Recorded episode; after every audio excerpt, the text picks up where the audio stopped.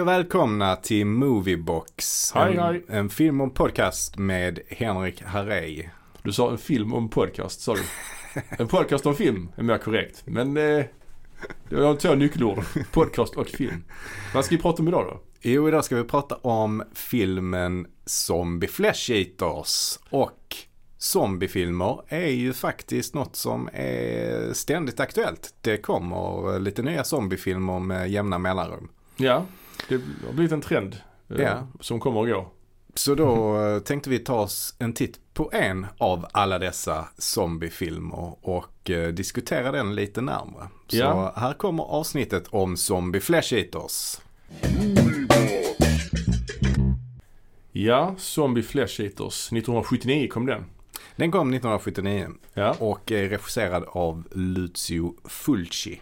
ja, precis. Han är ju en av de liksom, stora italienska skräck, skräckregissörerna får man ju säga. Mm, det Alltså, får man säga. Han är ju, det finns ju några, några stora namn man brukar nämna. Det är ju Mario Bava och Mm. Lucio Fulci och Dario Argento. De Mm. skulle man väl säga de tre. Det är de tre, de tre kändaste. Ja, det får man nästan säga. Sen Eh, har vi ju ytterligare några andra också som, Mm. som kommer på nivån under där kanske. Ja. Rugerio Deodato ja. och Mario Bavas son Vad heter han? Lambert? Lamberto Bava. Ja. Just det. Det är ju också några, några andra namn. Men, men det, det, det blev ju en eh, tradition i Italien med, med skräck. Ja, Från, eh, ja, från 60-talet kanske. ja verkligen. Där någonstans när Mario Bava började göra skräck. Ja, och han introducerar Giallo-genren. Som vi har pratat om i tidigare avsnitt. Vårt tredje avsnitt tror jag om just Argento. Mm. Eh, Men just den här filmen Zombie Flesh Eaters skulle jag väl hållas som en av Fulcis Mm. starkaste. Det, det är absolut hans mest, det är den han är mest känd för. Det är det ju.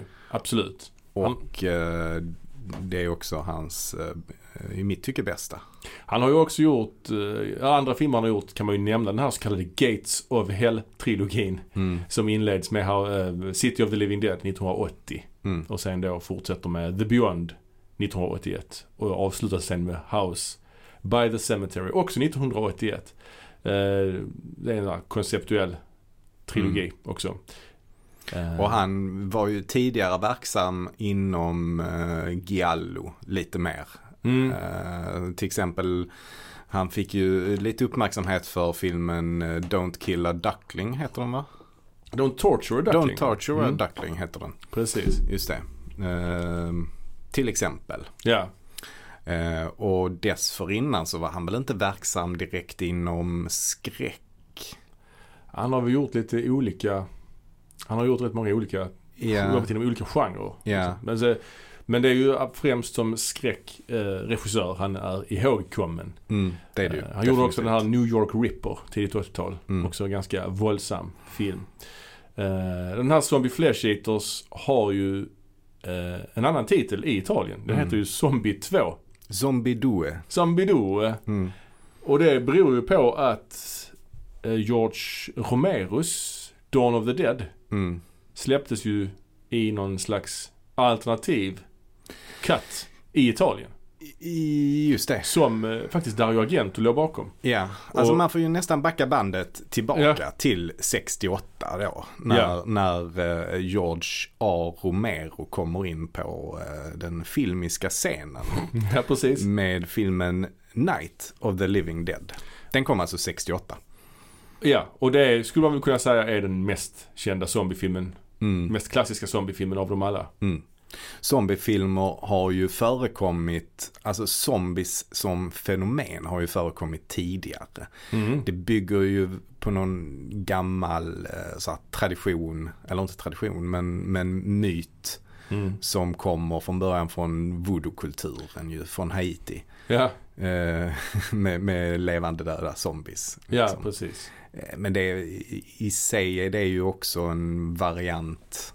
Det finns väl andra sådana fenomen, tänker jag. I andra kulturer. Alltså jag vet inte, vampyrer är ju inte så långt ifrån heller. Liksom. Nej, det är ju också levande döda. också levande döda, ja. ja. Eh, och, och i alla fall på film så har det ju gjorts lite zombiefilmer tidigare än Night of the Living Dead. Till Ja. exempel då Vit vålnad. Ja, White Eh, Zombie. White Zombie. Så även uh, hårdrocksbandet tog sitt namn efter. Precis. Misstänker jag. Just det. Ja. Den kom ju 32. Ja, Eh, och sen en annan känd är ju I Walked With A Zombie. ja just det. från eh, 43. Just det. Som Jacques Tourne- Tournier har gjort. Ja, Jacques Tourneur som också gjorde Cat People var originalet. Just det. Eller Jack Turner som man kallade sig Ja, i det. Hollywood. Det var väl han som sa det här, the less you see, the more you believe. Ja, precis. Att precis. man inte ska visa hela monstret utan Ja. ju mindre, ju mindre man ser av monstret desto läskigare blir det. Eller kan vi se i filmer som Hajen och Alien och så vidare. Ja, och det är väl framförallt kopplat just till Cat People. Där finns ju det kända exemplet där du bara får se skuggan det. av det här monstret. Lite liksom. expressionistiskt. Ja, verkligen. Ja. verkligen. Ja. Eh, men så att det, det gjordes lite zombiefilmer tidigare. Eh, och det man kan säga är väl att de var aldrig så särskilt läskiga förrän i Night of the Living Dead. Nej. För det var ju kanske första gången som de också blev kannibaler. Ja, ja, ja. Mm, Alltså precis. de attackerade människor och började, ja men de levde på människor, Ja. åt, åt människor liksom. Just det. Eh, och det, det, var ju, det var ju det han introducerade och det var ju så han förändrade zombie-genren. Liksom. För att i, Ja. i de här andra exemplen, I walked with a zombie till exempel, så är det ju bara en helt, eh, alltså de är ju mer, de är inte farliga på samma sätt. Eh, men nu blir de ju kannibaler så att det ligger ju ganska nära en annan genre då, kannibalgenren. Ja, det gör det ju. På, på det sättet gör det Mm. Även om inte det har med levande döda att göra på samma sätt i Mm. kannibalgenren. Eh, Men eh, ja, och eh, Romeros film den, den kom ju som sagt 1968. En politiskt laddad tid ju. Mm. Under Vietnamkriget. ehm, och nu har inte jag sett den på några år men visst är det så att det Den är handlar om... svartvit. Ja.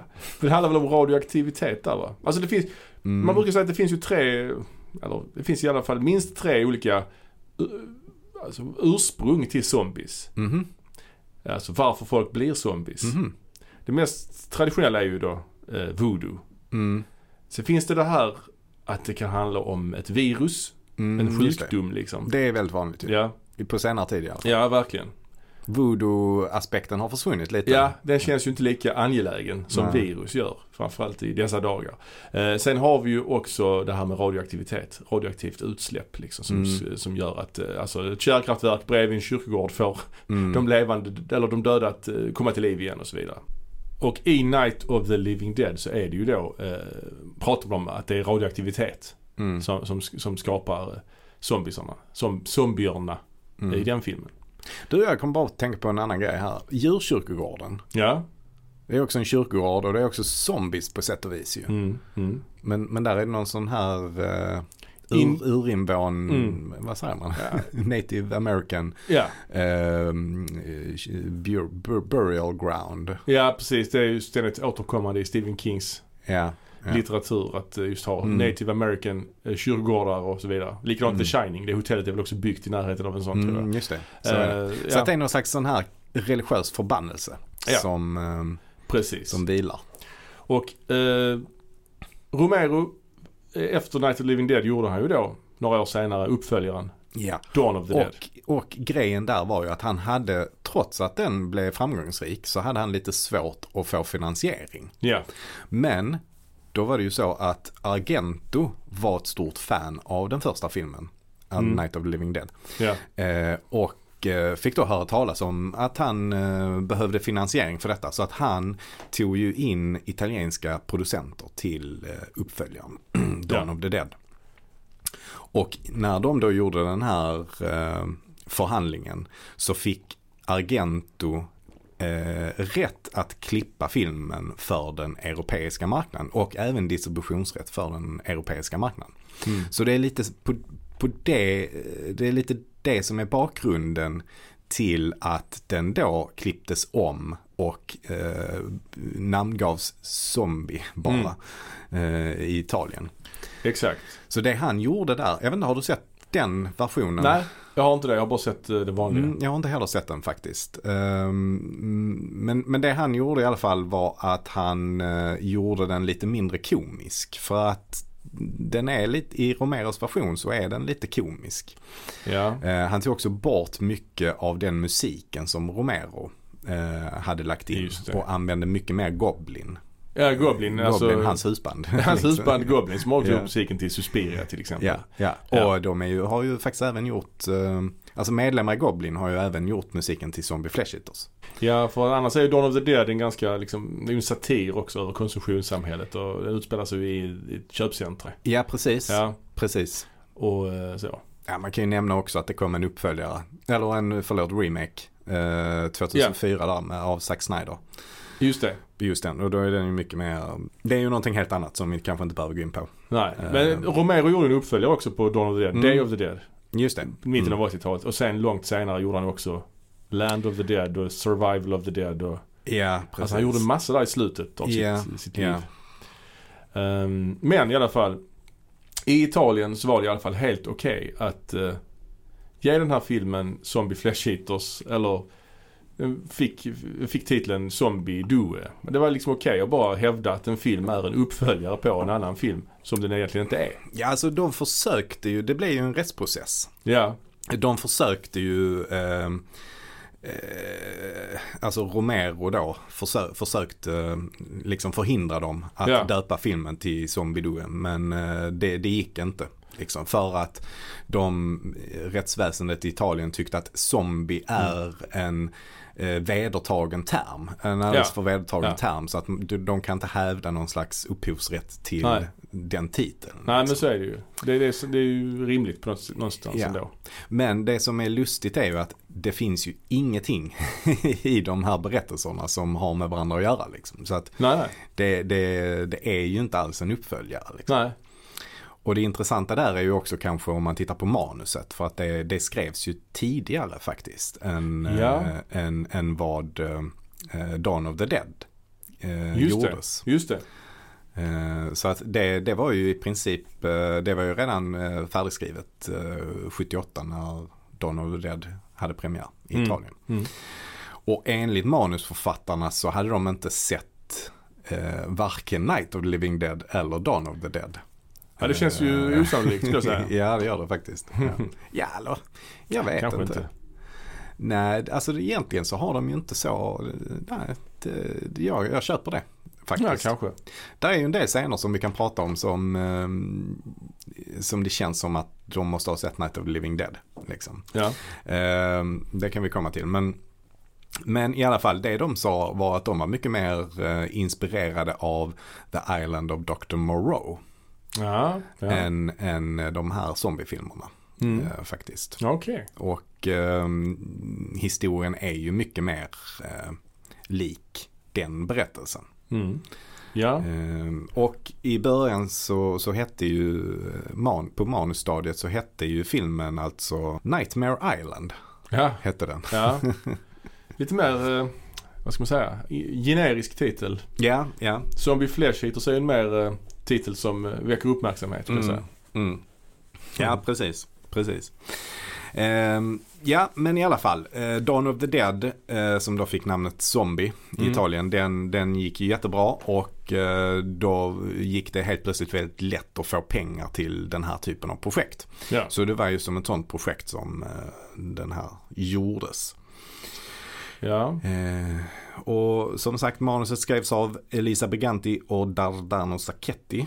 Ja. Eh, då under namnet Nightmare Island. Precis.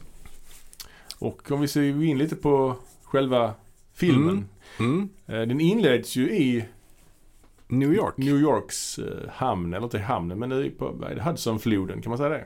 Ja, det är eller ju... havet utanför New York egentligen. Det är Ja, ju, man det- tänker inte på det att New York är ju faktiskt, ligger ju vid havet liksom. Ja. Det, är, det är inte så ofta man... Jo, det tänker man väl på. Det gör man Med. Frihetsgudinnan och... Ja, det är sant. Ja, men den inleds i vattnet utanför New York. Mm, och vi ser Frihetsgudinnan. Ja, och World Trade Center fanns Ja. på den tiden. Mm, Eh, och vi ser en, en båt komma in i, i, i eh, hamnen. mm, Eller i, inte i hamnen, men Mm. ut, utanför, utanför mm. stan. En segelbåt. En segelbåt, ja. Och, där, och sen hör man ju då liksom kustbevakningen. Och det här tycker jag är rätt snyggt för här, här kör man ju helikopteråkningar över, över båten och man integrerar liksom själva helikoptern i handlingen också. mm, Att det är ju ändå folk ombord på helikoptern som pratar med någon slags ledningscentral. mm, Så att det är inte bara en helikopter där kameran befinner sig. Ur ett mät, alltså. Utan det- är en helikopter som är med i filmen så att Mm. säga. Så det blir helikopterns Mm. point of view på något sätt. Det är coolt och det är jäkligt snyggt Ja, också. det är det. det är snygga, snygga åkningar över båten. Ja.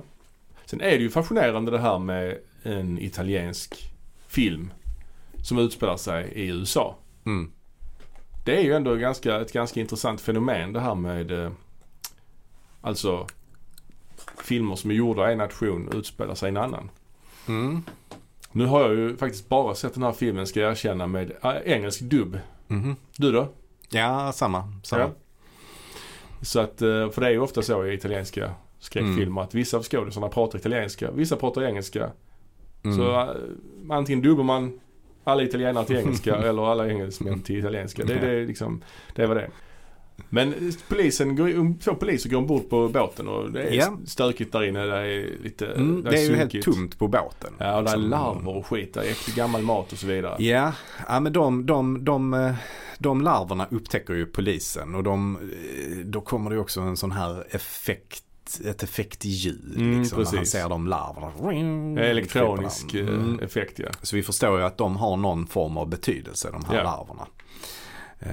Men vi vet inte riktigt vad Nej. än så länge. Men. Helt plötsligt så dyker någon ut ur någon garderob på båten och attackerar polisen. Ja, Och det är ju någon slags zombie då, Mm. ser vi. En ganska storväxt. mycket storväxt. Korpulent. Ja. Och eh, då blir det en sån här, den biter polisen i halsen. Och här kommer ett litet, kanske ett litet problem jag annars, som jag brukar ha med såna här filmer från den här tiden, att blodet är helt fel färg. Mm. Väldigt illrött blod. Mm. Men det är ganska gorigt. Det är en närbild liksom när han biter av halsen. Mm. Och den här zombien tar sig sen vidare upp på däck. Och då öppnar den andra polisen eld mot zombien och Mm. den faller sen i, i vattnet liksom. Eh, Men eftersom man eh, har sett ett antal zombiefilmer liksom. Så Ja. i alla fall jag tänker ju på att ah, men han skjuter ju inte honom i huvudet. Det Nej. måste man ju göra med zombies. Ja det är ju faktiskt eh, modell 1A. Ja, precis. Det är första. Och han trillar ju i vattnet innan, alltså bara av skott i, i, i, i bålen. Liksom. Ja den klippningen Så- där känns lite random faktiskt. Ja, ja, men man tänker ju ändå lite på det. Ah, dog han eller inte? Ja men precis. Mm. Han får sen reda på att den här båten tillhör en man. eh, Och dennes, mannens dotter då började undersöka i vad som har hänt med hennes pappa. Mm. Som båten Mm. driver i land sådär. Ja, hon blev förhörd av polisen. Ja. Eh, Eftersom de hittar henne som eh, anhörig till ägaren till Ja. båten då. Hon heter alltså eh, Anne Bowles. Heter Anne, hon. Anne Bowles. Hon ja. spelas ju då av Tisa Farrow. Just det. Som då är syster till Mia Farrow. Som är Mm. lite mer eh, Namnkunnig, ja. Exakt, namnkunnig. Som då är känd för en annan skräckfilm, Rosemary's Baby då Mm. till exempel. Hon tar, hon tar ju sen hjälp av en journalist ju. Mm. För. För vi introduceras ju samtidigt också för eh, journalisten då. Eh, Peter West heter han. Just det. Och han spelas då av Ian McCulloch. Och vad är det för en herre? Eh, jo men han är ju en skotte och eh, kände då, inte, inte för mig direkt, men han var tydligen med i någon tv-serie som hette Survivors. Mhm. Eh, som jag inte känner till. Alltså är det någonting du Nej, den eh, har undgått mig. Ja, engelsk tv-serie. Mm. Eh, eller brittisk kanske man säger. Ja. Och eh, den var ganska populär i Italien. Och, och det var helt på grund av att eh, de hade sett honom i den tv-serien som de ville ha honom i den här rollen. Ja, Och han eh, hade en ganska knagglig karriär just då. Han hade inga jobb och helt plötsligt så blev han, blev han tillfrågad. Dels att han fick rätt så bra lön. Men sen så också att det var två veckors inspelning i New York. Två veckors inspelning på en karibisk ö. Ja. En veckas inspelning i Rom och en veckas dubbningsarbete i Rom. ja, ja. Eh, alla expenses paid.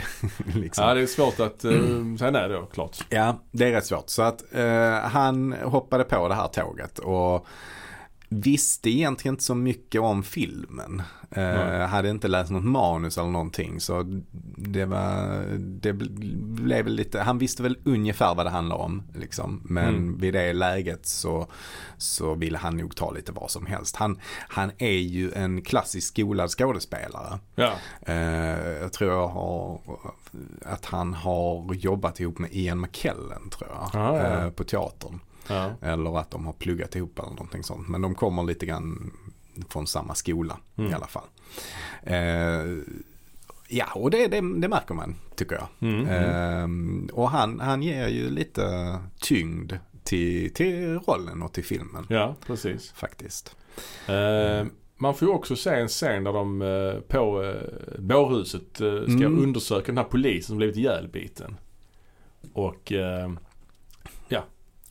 kameran sveper ner och man ser att här liket börjar röra sig lite. Liksom. Just det, just det. En liten hint. En liten hint ja. Mm. Men sen är det ju då att den här eh, journalisten, han kontaktar, han, han springer ju Mm. på eh, Tisa Farrows karaktär. Mm. Men innan dess så träffar vi honom på eh, eh, nyhetsredaktionen. Ja, ja precis. Och där har vi också en cameo ju. Ja, Av Lucio Fulci himself. ja just det, som, Som- redaktören. Som redaktören. ja. Just det. Precis. Det är ganska kul. Han Mm. är ju ofta med i eh, sina filmer. Ja, lite Hitchcock. Ja, precis. Väldigt, Ja. väldigt mycket Hitchcock. Ehm, Det som är intressant, eh, som jag hörde på audio commentaren var att eh, ofta, oftast så väljer han, alltså de karaktärerna han gör cameo som, är ofta sådana som är auktoritära. Ja, ja, ja. Det är lite, Mm. lite kul. Ja, men de vet ju att hans, eller förlåt, Tisa Farrows pappa han befann sig ju på en ö Mm. i Karibien. Matul. Matul, mm. Och de ska ta reda på vad som har hänt med honom. just det. Så att de eh, slår sina kloka huvuden ihop. Mm. Journalisten och Tisa Farrow och beger sig till den här ön. Ja, Och där träffar de ju, två turister. ja, som har hyrt en, eh, en båt. För att de kommer, de, ju- den här ön ligger ju lite avlägset så, ja, ja. så det, är inte, det går inga direktflyg dit. Liksom. Men det finns väl knappt på kartorna. Nej, verkar det. precis. Precis. Så ja. att de, de, de behöver hyra en båt och då träffar de ett, eh, ett turistpar då som har hyrt en båt och så frågar de om de kan ta dem dit. Och efter lite om och men så går de väl med på det då. Mm, Och, och skjutsar dem till den här ön. precis. Man har också tidigare också klippt till den här Dr. eh, Menard, på, ja. på ön då. Och han håller på där och har lite stökigt med olika Ja, eh, liksvepningar och mm, så. precis, precis. Filmen Eh, inleds ju med faktiskt att innan förtexterna att han eh, Ja, skjut, skjut- skjuter en, Mm. Någon i huvudet. Mm. En, liksve, en, ins, en kropp insvept Mm. i, i tyg så att säga. Ja, precis. Um, som en liten hint vad som komma skall. Mm. Men det är intressant för att eh, de jobbar lite icke-linjärt ibland i den här filmen. Mm. Vilket vi ska komma till. Så det är inte helt, eh, det är lite flashbacks och sånt också som är, Men ungefär här så får vi ju ett intro till Dr. Menard i alla fall. ja, Eh, och även eh, hans fru ja. också. Och de, de verkar inte vara helt överens. De verkar ha någon slags eh, fnurra på tråden. Ja, han är lite blasé. Kan man säga det? Han känns mycket sliten också. Ja, Lite alkad också. Han spelar som ja, en som heter Richard Johnson. Han gillar, jag gillar honom jättemycket. Jag gillar också honom. Han ser så jävla Ja. skön ut. Alltså Ja. han ser så sliten ut Ja, men ändå på ett skönt sätt. Och så har han en vit kostym hela tiden också. ja. Så, riktigt skön. Hans fru Paula spelas av Olga Karlatos. Jaha, Eh, Ja, ja. Det är en internationell cast här. vad har vi på henne då? Inte, inte jättemycket. Inget annat kanske? Nej, inte jättemycket. Eh, grek. Mm. Grekisk. Ehm, han eh, han, han eh, ger ju henne en ordentlig smäll där i första scenen. Ja, en sån där riktig lavett som Ja, ekar. Ja, ja. Han vill att hon ska ta sig samman. Och det är ganska så okommenterat på något sätt. Ja, det är det ju. Alltså det är inte så att det är något som återkommer senare. Att liksom Nej. varför, varför han gör detta. Det känns eh, Nej, det antyds lite malplacerat. Ja, det gör det ju. Det, gör det, ju. det antyds ju lite grann att, att det, är, det är, han är under press. Han är under press Någonting det. har Mm. eh, eh, såklart eh, spårat ur här och det Mm. förstår vi. Vi förstår ju vad det, vad det kommer att vara naturligtvis. Men Och jag, jag tror väl lite liksom att idag när man ser någonting sånt så eh, rycker man till på ett annat sätt. Oh ja. Men när den filmen gjordes i Italien. Jag vet Ja. inte. Det, det var kanske inte mm, så himla märkvärdigt liksom. nej, jag tror kanske inte det alltså. Nej, ur vissa aspekter har ju filmen åldrats dåligt. Men ur Mm. andra har den faktiskt inte det, skulle jag säga. Eh, framförallt formmässigt, vilket vi kommer till. Men Mm. Ehm, ja, Eh, i alla fall så är det ju då att Anne och eh, han Peter West som han journalisten heter. Mm. De har då joinat Brian och Susan. De här två Mm. turisterna för att åka till den här ön Matul. Bra namn på den. Mm. Ja men det är det. Eh, och den är svår att hitta. Den syns ju inte på kartorna så de bara åker lite random dit liksom. Eh, på vägen dit så stannar de till mitt på vattnet för att Susan då, spelad av Auretta Gay, bestämmer sig för att hon vill dyka lite. Mm. Som, och här blev ju filmen också, här, här är också en sekvens. Detta är ju en sekvens här som kommer inledas som är bland det sjukaste som har gjorts. Nej, kanske inte riktigt. Men en väldigt spektakulär scen. Ja. Det börjar ju med lite slisigt sådär att hon ska dyka så tar hon av sig i stort sett helt naken. Som Ja. man gör. Tar på sig. Alltså eh, hon har en extremt liten bikini-nederdel på Ja, sig. precis. Som dessutom är string. Ja. Hon tar på sig dykartuber och eh, vad heter det? Cyklop Ja. och hela balletten. Och liksom. badmössa. och badmössa. Hon är det väldigt, är hon är viktigt att skydda håret. Ja, hon har krylligt hår ju. Ja, det väldigt krylligt Ja, hår. det. Och hon har badmössa. Och, och sen så dyker hon ner där. Hon dyker ner och det är väldigt vackert. Det är Mm. korallrev och Mm. hit och dit ju. Men det är som sagt lite slisigt, lite Mm. spekulativt där. Mm. Mycket objektifiering Mm. såklart. Det är ju ytterligare en grej som gör att filmen, just den här aspekten gör att filmen känns gammal, daterad. liksom. Ja, och en, eh, att det är en exploitation-film. Ja, precis. Men, sen sker ju någonting spännande här ju. Ja, för det kommer en haj. Det kommer en haj. Och den här filmen gjordes ju i kölvattnet, no pun intended, Mm, av filmen Hajen. Den kom ju några år tidigare så att Mm. hajar var ju verkligen på tapeten. Jag tror Hajen 2 kom kanske också året innan denna film. Mm, Och hon blev ju rädd för hajen mm, och försöker simma ner. Hon, hon kommer upp till ytan och säger till de andra, en haj. Eh, jag dyker ner igen och får Mm. gömma mig. Och han börjar skjuta mot hajen, hennes kille. Hon gömmer sig bakom ett korallrev och då, över hennes axel, kommer en hand. Mm. Och det är alltså en zombie som är under vattnet som attackerar henne. Det är ju intressant. Det är för, eh, liksom andra zombien i filmen i stort sett är en undervattenszombie. mm. Och den börjar attackera henne och hon försöker ta sig loss genom att skrapa den i ansiktet med så här korall. Ja, hon tar loss en sån korall som fladdrar framför ögonen. Ja. Och, och efter ett tag så bara, aj, börjar göra det jätteont på zombien och han Ja, det tycker jag är Backar tillbaka. Ja, borde inte vara så. Nej, det borde inte Zombie borde inte reagera så. Nej. Men sen, sen kommer ju det sjukaste. Ja. Att hajen och zombien börjar slåss. Mm. Det är riktigt eh, galet det, alltså. det är galet och det är riktigt, det är ju spektakulärt Ja, ja. alltså. För det här är ju heller ingen mekanisk haj. Det här är en riktig haj. Som de hade i, i Hajen, Ja, filmerna liksom. Detta är en riktig tjurhaj tror jag det är. Mm. Och han börjar brottas med den. Och, och de, han biter ju hajen också så den börjar blöda. Det är ju fake naturligtvis. Ja. Men, men det är verkligen en snubbe Och hajen biter också zombien. Jag biter av armen på Ja, zombien. ja. Men det är ju en riktig snubbe utklädd till zombie som brottas med en haj. Det är någon Ja. slags hajtränare de hade väl. ja, Jag precis. vet Det inte om ju... Var medveten om denna scenen heller. Nej, han ska inte ha varit medveten Nej. om den. Eh, så att den, den är något som har spelats in antingen före eller efter. Ja. Liksom primary photography. Eh, men, men, eh, men det var ju en hajtränare som var någon slags statist som de tog in. Ja. eh, och maskerade. Så fick han göra den Ja. fighten. Ehm, och ja, men det är ändå spektakulärt hur de har eh, lyckats göra detta. Tycker jag. Ja, verkligen, alltså, Ehm, verkligen. Just att det är en, en livslevande haj. Ja, man, man tappar hakan lite grann. Mm. Vänta nu här, nej. Man tänkte att de skulle klippa mellan två olika bilder. Att de Mm. inte ens var på samma Mm. plats liksom. Men här är det ju verkligen, han verkligen går in fysiskt och börjar brottas med hajen. Mm. Ja, det, det är häftigt ju. Men, men hur har de gjort det liksom? Är det att de... Ja, jag det, tycker jag ser, vissa bilder ser man att hajen inte har några tänder. Är det så? Ja, alltså man ser aldrig några tänder på hajen faktiskt. Ja, ja man kan inte. Eh, Så att jag antar att de måste ha bedövat hajen och dratt ut alla tänderna på hajen. Ja, men annars kan du väl inte? Eller jag är, vill helst inte tänka på det. eller är det så snälla hajar liksom som inte inte biter?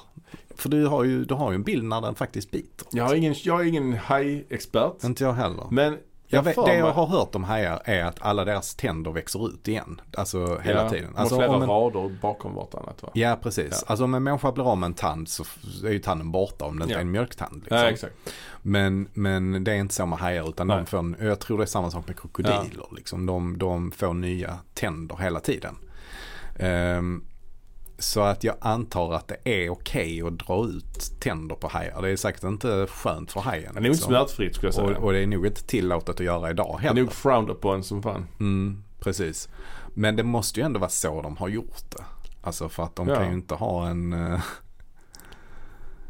Ja, nej jag, jag, jag kan inte så mycket om tjurhajar. Den är en, eh, finns överallt i varma och grunda vatten. mm. Läser jag här på internet. Ja, ja men de, sätter, de sätter, ju- lägger ju ribban rätt så högt här i alla fall. Mm. Zombies som slåss mot en haj. Och det som också jag tycker gör att den här scenen är helt fantastisk är ju musiken. Ja. Fabio Frizzi. Frizzi. Ja. Ja den är... Den, den är svår att slå den musiken. Den du, är du,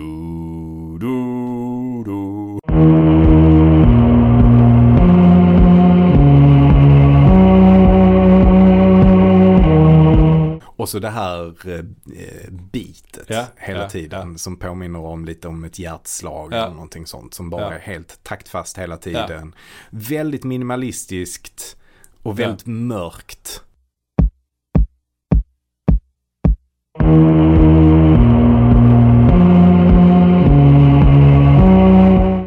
Och sen så kommer det även in en slinga, en syntslinga. Ja. Som är lite mer eh, Ja. uppåt kanske. Men ja, lite Carpentersk. väldigt carpenterskt är ju Ja, detta. nästan pre-Carpenter nästan. Mm.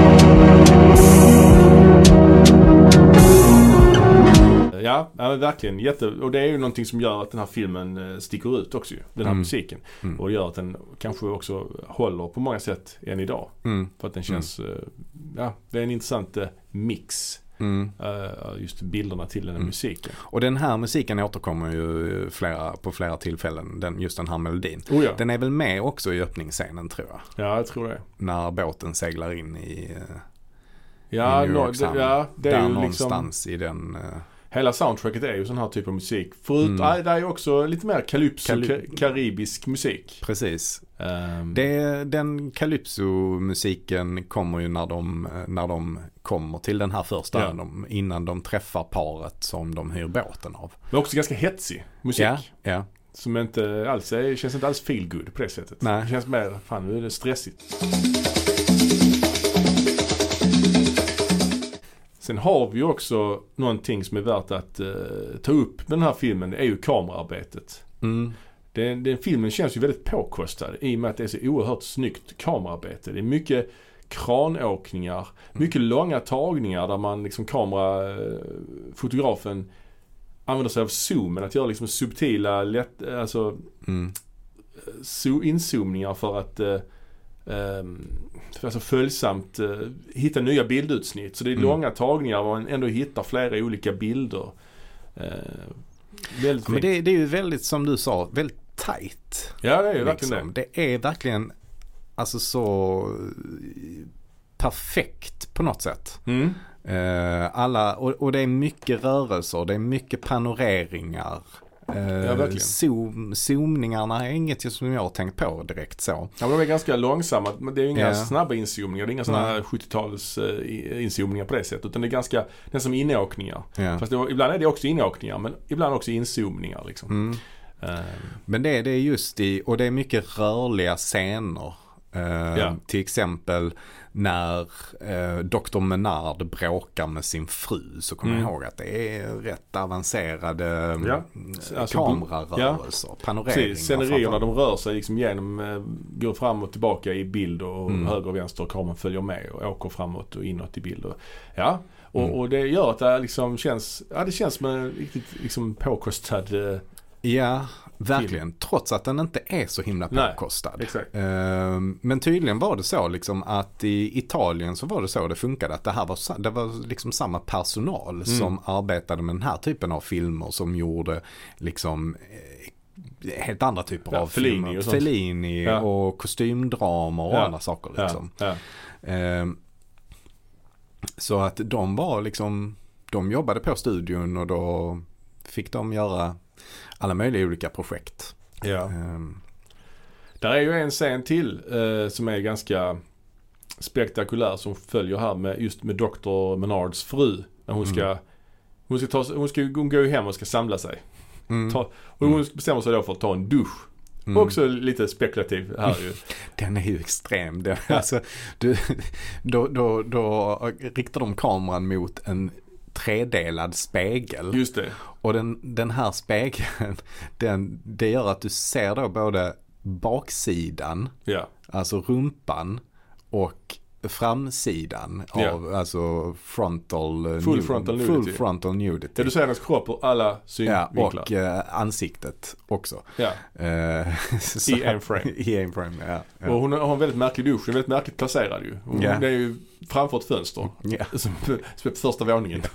Så det är rätt så mycket insyn i den här, i den här dusch, ja. duschrummet va. Ja. Och det är någon som tittar på henne ser vi ju. Mm. Och sen blir hon ju då attackerad. Och det är någon som försöker ta sig in genom dörren. Mm. Och eh, det är ju en zombie då. Mm. Som slår sönder dörren och tar tag i hennes huvud. Och trycker hennes huvud mot då en sån här En träflisa av något slag. Ja, som, eh, långt trä, ja, en mm. av brädorna som har gått sönder och blivit spetsig. Mm. Och där får man verkligen se också där, den trycks in i ögat. Det är ju Mm. ganska, ja, spektakulärt också. Ja det är det. det är det. Och jag tycker det ser riktigt bra ut Ja, det är faktiskt. riktigt nasty. Ja. Riktigt nasty. Men det ser ändå verkligt ut. Ja, ja, ja. Tycker jag. Absolut. Ehm, proteserna och sånt är ju bra gjorda. Ja, ja, verkligen, verkligen. Ehm, Men det är, det är, sen är det lite luddigt tycker jag i filmen. Och de här, våra, våra vänner då, Mm. eh, journalisten Peter West och eh, hon, vad heter hon den andra? Tisa Farrows karaktär. eh, Anne Bowles. Anne Bowles ja. De ska ju då träffa, de ska ju ta reda på vad som har hänt med hennes pappa. Mm. Och då träffar de Dr. Menard.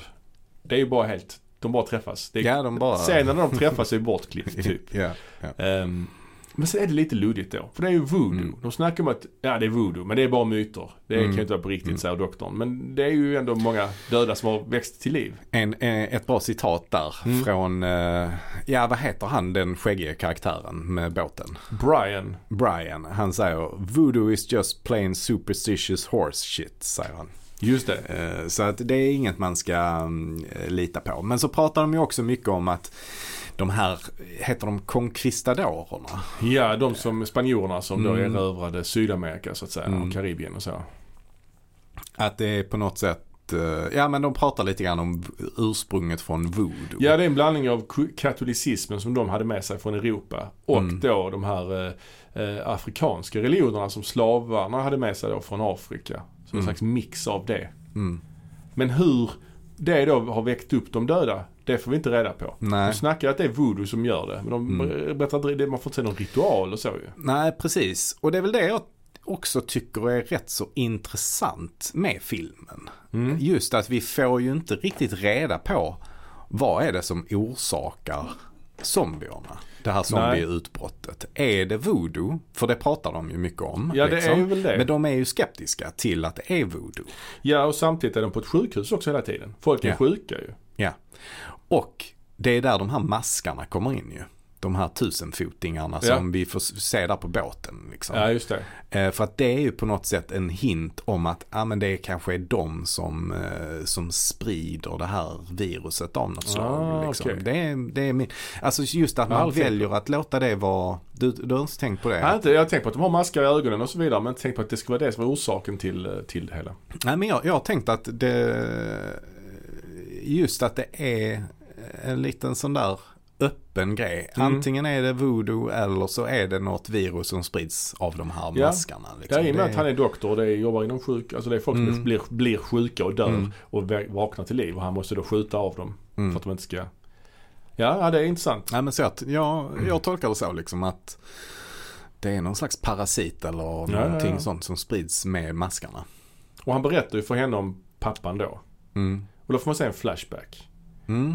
Det är lite kul. Mm. Eh, hur, hur, alltså att du helt plötsligt börjar jobba med flashbacks. Mm. Vi får också se den här scenen, eh, alltså den här scenen som var i början när han skjuter det här skjuter den här personen i huvudet. Den återkommer längre fram i filmen. Just det. Så det blir också lite så, Mm. en flash forward kan Mm. man säga. Nej men jag tycker nog att filmen är som mest intressant fram till detta läget. Nu, Ja, har vi, nu har vi haft den här klassiska, för den är ju klassisk, den scenen i vattnet med zombien och hajen. ja, ja. Eh, vi har även haft nästa klassiska scen där eh, zombien sakta, alltså det är en väldigt långt utdragen ja. väl, väl uppbyggd scen när, när zombien drar eh, eh, Dr. Menards fru Mm. öga in i den här träspågan eller vad man ska, Mm. träflisan liksom. Mm. Eh, och upptrappningen har ju, har ju skett nu liksom. Och det har tagit ganska lång tid på sig. Det har gått Ja. eh, i ganska eh, långsam takt. Ja, men men allting är väl uppbyggt. Det är inte så många zombier man får se. Nej. Eh, Man får se handen ju på den här bara som trycker Mm. hennes huvud. Så att det är ganska, det är bara en krypande obehaglig stämning. Den här calypso-musiken. Doktorn, svettig i pannan, nervös. Eh, Hon uh, Tisa letar efter sin pappa, eller vill veta vad som hänt med pappan. Det Och liksom zombierna vi har sett det är ju den första zombien på båten. Ja, Som ju är oerhört cool tycker jag. ja, alltså den, ja. den scenen är ju, Ja, är ju skithäftig och jättesnygg. När vi får se just hur han ser ut. Att han är väldigt storvuxen, skallig, eh, korpulent. Och så får vi se honom eh, i, i, är det solnedgång typ? Alltså det är Ja, lite ja. motljusbild på honom Ja, och han är helt så blodig runt munnen. ja visst. Det är Liksom. väldigt, väldigt snygga. Alltså, Alltså, det, är, det är extremt coolt. Ja verkligen. Sminkeffekterna i den här filmen, zombiesminkningarna är ju skitsnygga. Mm. Alltså, fortfarande. Eh, och just att det är som man får se dem så, så nära håll också. Det är handkamera nära hållen liksom. Mm. Men det är en sekvens de ska, han doktorn ber ju de här eh, gänget att eh, ta reda på, hämta hans fru. Eller sticka hem och hämta hans fru. Och när Mm. de kommer hem där så hittar är det en massa zombies som sitter och käkar på hennes kropp. Ja just det, just det. Och där har vi lite Night of Living Dead kanske. Ja, ja. Ja, Och, och det, är, det är också en riktigt så, det är en rätt obehaglig scen. ändå. Ja, alltså, det är ganska utdraget ja. och det är liksom slafsigt. Det är riktigt slafsigt, Ja. verkligen. Eh, Det var också intressant, alltså om man då jämför med tidigare zombiefilmer hur zombierna har sett ut. Mm. Så är de ju ganska så här nyligen döda kan man Ja. säga. Mm. Eh, som sagt i Dawn of the Dead så är de ju bara vitmålade i ansiktet. Ja, lite blåa nästan. Lite blåaktiga. Ja, ja. Men det är ju inget mer. Men här i den här filmen Ja. så ser ju zombierna, de har ju börjat ruttna Ja. liksom. precis. Och du, man ser ju ben genom Ja, eh, på, på armar och sånt. Och, Ja, det är ju en helt annan, eh, liksom, helt annan ambition här när det gäller att skapa en... Så de är ju smutsiga och, och äckliga på något sätt, de här zombierna. Eh, Det har vi inte sett så mycket i tidigare eh, versioner. Ehm, också en grej är ju att de går med, med stängda ögon. Ja, typ, ja just det. Just det. Det är, ehm, Frågan är om det är en, bara en teknisk grej för att det ska se lite bättre ut. Så de inte hade råd Mm. till lin- kontaktlinser Mm. eller någonting. mm, så kan det vara. Ehm, de är väldigt långsamma också, precis Mm. som de är i Dawn of the Dead. Där är de löjligt långsamma ju. Ja, ja, ja. Där, där räcker det att man springer förbi dem så är, det lugnt. Liksom. visst.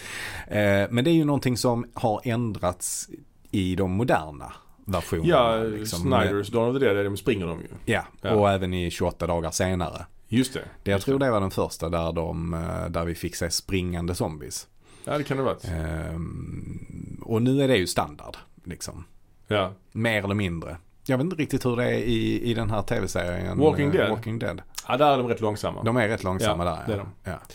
de. Ja. Eh, de går sen genom en kyrkogård. De hittar en sån här conquistador-hjälm. ja, just det. Mm. Det är ju lite spektakulärt ändå att de hittar Mm. en sån hjälm från 1400-talet bara liggande där på, på, på, Mm. i skogen. Skräpar. Den ligger där och skräpar. Och Mm. sen så börjar ju då zombierna resas från, resa ifrån jorden. Ja. Och det är, tolkar jag det som att det är conquistadorer då. ja, det kan det ju vara ja. Och det, inte tycker jag är lite, för de är lite mer förruttnade också ju. Ja, just det. Och där är ju en, eh, just en som eh, kallas för maskzombien eller vad han kallas för. Ja, ja, ja. Som har en massa maskar som kryper ut från ögat. Det är han som är på omslaget också. Ja, precis. Det är också en sån riktig Ja, det, chocker. ja, det är en väldigt klassisk scen också. Mm. För det är så oerhört, det är, kameran befinner sig så oerhört nära. Mm. Och det är ju så crisp bild också. Mm. Eh, och så den musiken då. Samtidigt så kan man tycka att de här conquistadorerna borde vara mindre välbevarade. Mm, Och de borde vara bara begrav- skelett ju. Borde Va? det, borde bara vara skelett ju. Ja, och de borde ju eh, vara djupare nergrävda Ja, tycker jag. Det här är bara reser sig ur lös jord liksom. Ja. Men man ska inte vara för petnoga kanske. Nej, nej.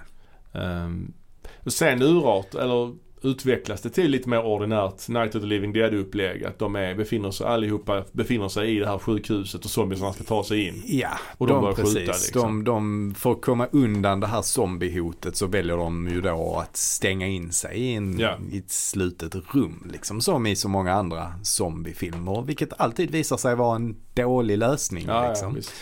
Eh, Men det kanske är det mest logiska om man skulle vara i den situationen. Att försöka Ja. låsa in sig från zombierna. Men det gör ju bara att alla hittar dit och Ja. alla försöker ta sig in och till slut kommer de in.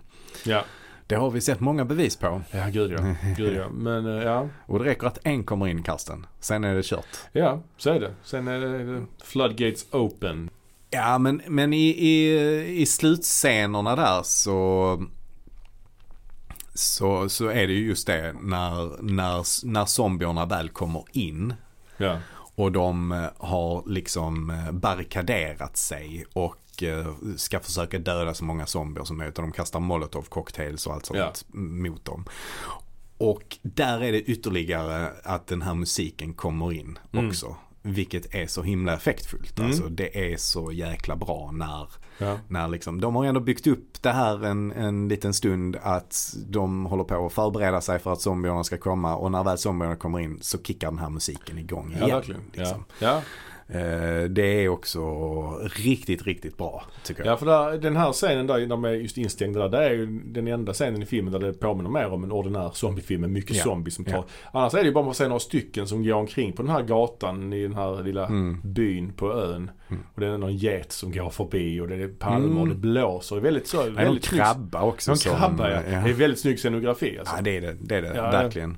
Med djupfokus och, Ja. och hela den biten. Ja det är jättefint. För det är ju ett annorlunda upplägg för att vara en zombiefilm skulle jag säga. Mm. Alltså det är, för det första är det ganska få zombies i filmen. Mm. Det är ju inte den här invasionskänslan. Nej. Utan, Nej. utan istället är det ju så att, att liksom huvudpersonerna reser till zombiehärden Mm. istället Mm. för att de blir attackerade av zombiesarna från början. Så det är ju liksom Mm. intressant att den blir mer som en, Påminner kanske lite om en kannibalfilm på det ja, perspektivet. precis en äventyrsfilm man reser Mm. till någon Mm. exotisk plats och där börjar det hända sjuka grejer liksom.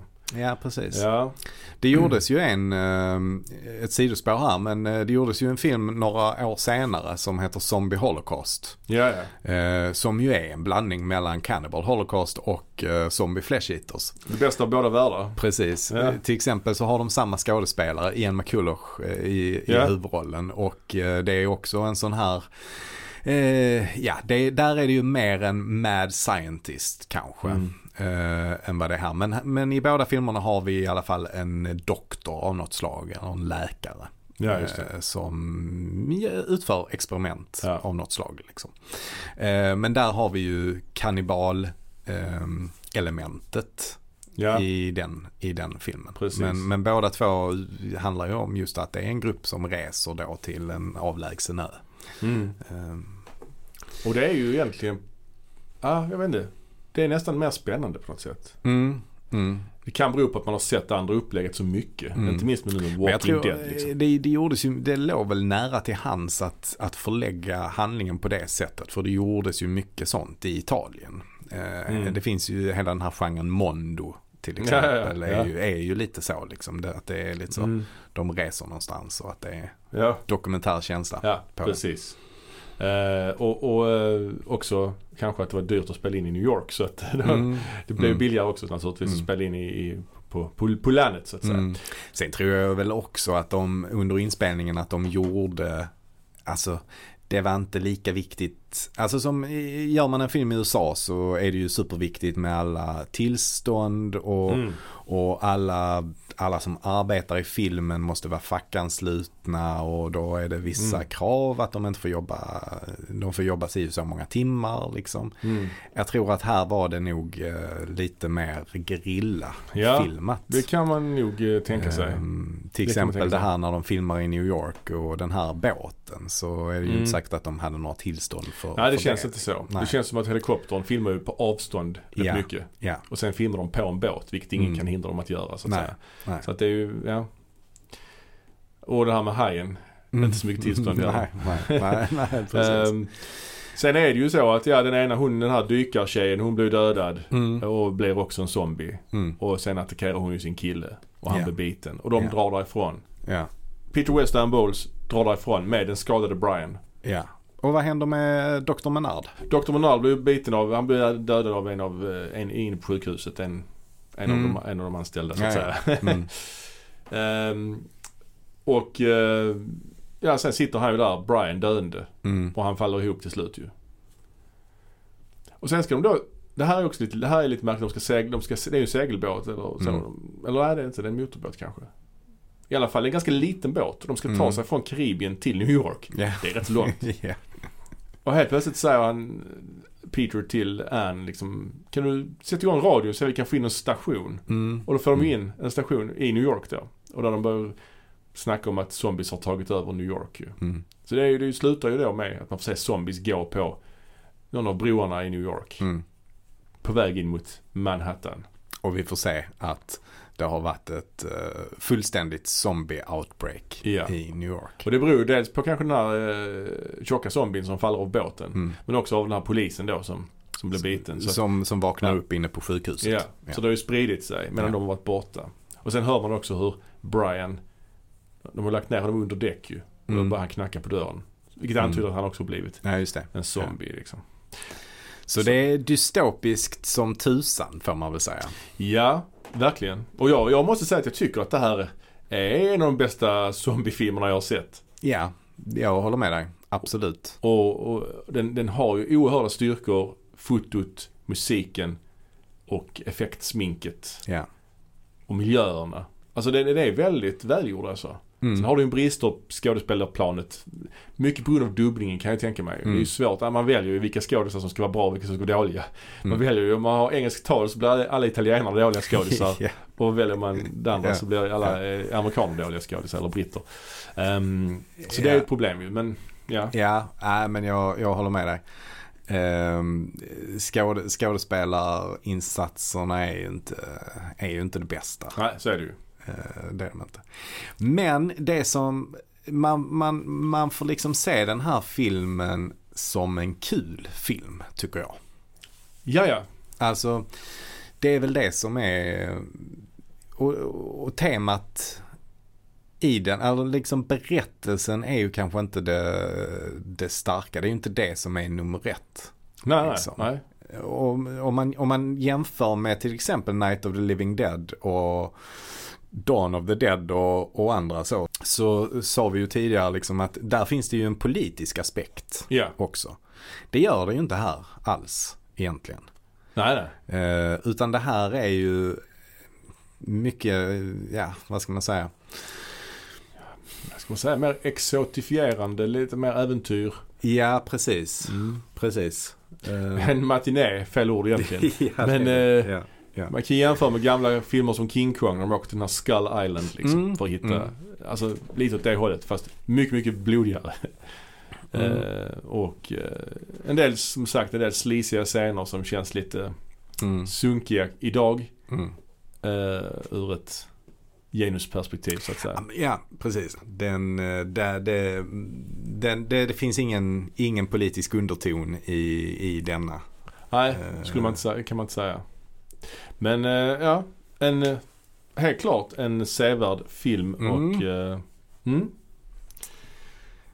en av de bästa zombiesarna. Ja. Zombierullarna. Är det någon film man ska se av Lucio Fulci så tycker nog det är denna. Skulle jag säga. ja, det är det ju. Absolut. Ja. Har du någon favoritscen i, eller ett favoritmord i filmen? ja, alltså. Det är ju svårt att se förbi hajscenen. Mm. Den är inte så lång egentligen. Den är mer att man blir tagen av att det är så oerhört oväntat att det ska ske. Men eh, i övrigt så tycker jag att det är ju väldigt snyggt när de här zombiesarna går på den här gatan i, i den här lilla byn. Med Mm. musiken och allt är så perfekt med lite vind, sanden blåser på gatorna, där är någon krabba, där är någon get, där är palmer. Ja det är ju väldigt vackert alltså. Mm. Det är ju väldigt vackert. Ja. Själv då? Ja men alltså såklart uh, undervattensscenen den, den, det är ju the money shot i den här filmen. Det Oh ja. Så det, men, men den får man nästan, om man tar bort den. Nästa money shot är ju då den här ögonscenen. Ja, ja, ja. Alltså, eh, Och den, den är ju nog min, eh, min favorit då. Mm. Om man bortser från, eh, från eh, undervattensscenen. Just Mm. hur den är uppbyggd. Eh, Och att det tar så jäkla lång tid på sig. Mm, att mm. eh, liksom, det är många klipp, liksom klipp på den här träpinnen. Klipp på hennes eh, uttryck. Tillbaka Ja. till träpinnen. Och Precis. allt innan också att hon försöker liksom klämma zombien, Mm, klämma av mm. hans hand där och, Ja. och sånt. Ja, det Sen är det ju, sen är det ju alla, alla scener liksom där den här musiken kommer in. Det är ju Mm. samma sak i, i slutscenen där i, när de är instängda i sjukhuset. Mm. Eh, och har barrikaderat sig och eh, musiken kommer igång. Mm. Liksom. Det är ju coolt. Ett av de bästa soundtracksen och eh, ett av de, en, av, en av de snyggast filmade skräckfilmerna från, från, från den här tiden. Alltså man förväntar sig ju inte, den kanske inte är det är ju inte den snyggaste filmen som någonsin har gjorts. Men Nej. det handlar ju mycket om att man inte förväntar sig att den ska vara så snygg som den är. Nej, så är det ju. Det är ju det, eftersom den tillhör en genre som vanligtvis är så lågbudget och, Mm. och rätt så kast på det planet. Så förväntar man sig ju inte att det ska se ut så. Sen tror jag också att de flesta har kanske, i alla fall i vår ålder, sett den här på VHS kanske. Ja, ja. Och där såg den ju inte ut så som den gör nu på Blu-ray. Nej, Liksom. verkligen. verkligen. Som den var tänkt eller som den ser ut på bio. Ja, nej, liksom. visst. Eh, Så att många har väl sett dåliga kopior Ja. på den. Titeln också antyder ju, alltså, den, den skvallrar ju heller inte om att det ska vara någon vacker film. Nej, Rent visuellt. nej. Zombie Flesh Eaters låter Eh, rätt så plumpt så att säga. Ja, verkligen. Eh, verkligen. Så att det är ju faktiskt så. Mm. Ja, men eh, ja, vi, vi, eh, det var allt vi hade att säga egentligen om den filmen. Så kolla in den för allt i världen. Så eh, vi tackar för oss. Tack för oss. Ha det gott. Ha det bra. Hej.